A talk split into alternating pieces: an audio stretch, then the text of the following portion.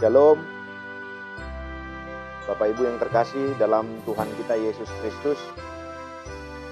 Kembali kita mau mendengarkan firman Allah untuk mau menyapa kita di hari ini. Tertulis di dalam Mazmur pasal yang ke-6 ayat yang ke-11. Semua musuhku mendapat malu dan sangat terkejut mereka mundur dan mendapat malu dalam sekejap mata. Satu solusi untuk banyak pergumulan. Hidup dan pergumulan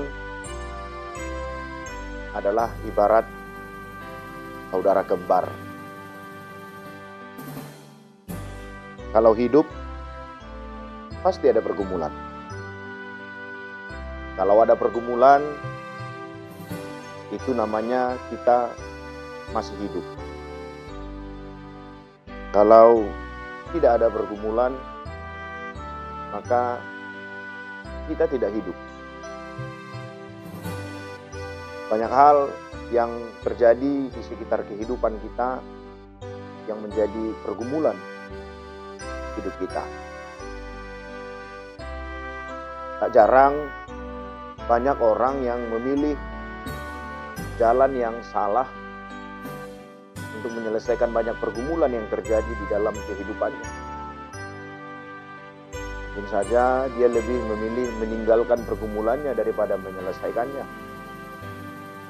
Mungkin saja dia memilih jalan yang instan untuk menyelesaikan pergumulannya sehingga pergumulan itu terus menerus dengan pergumulan yang sama terjadi dalam kehidupannya. Tapi hari ini firman Tuhan melalui pemazmur kita mau melihat bagaimana Daud menyelesaikan pergumulannya.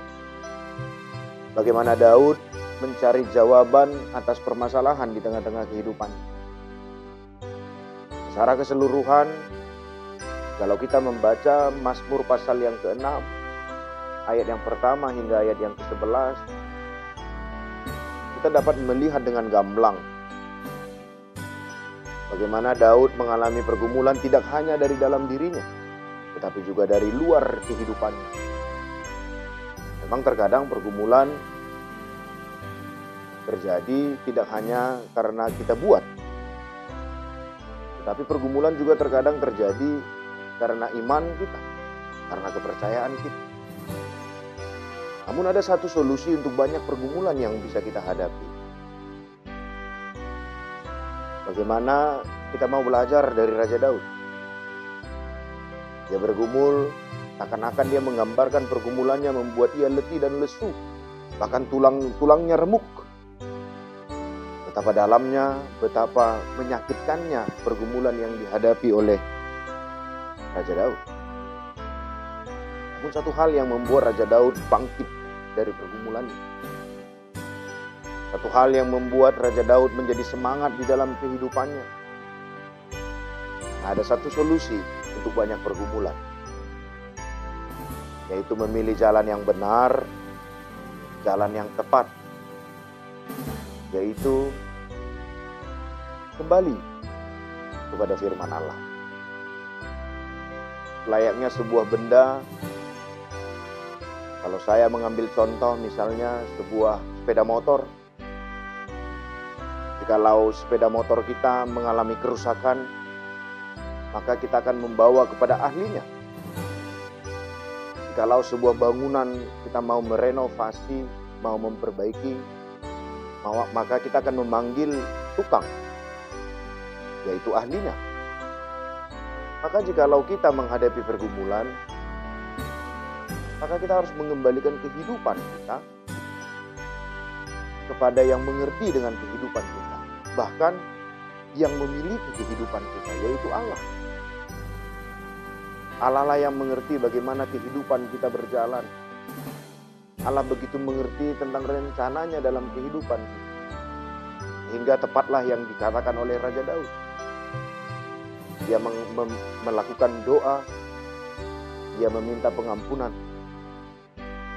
agar apa yang digumulkan oleh Raja Daud dapat diselesaikan melalui firman Allah.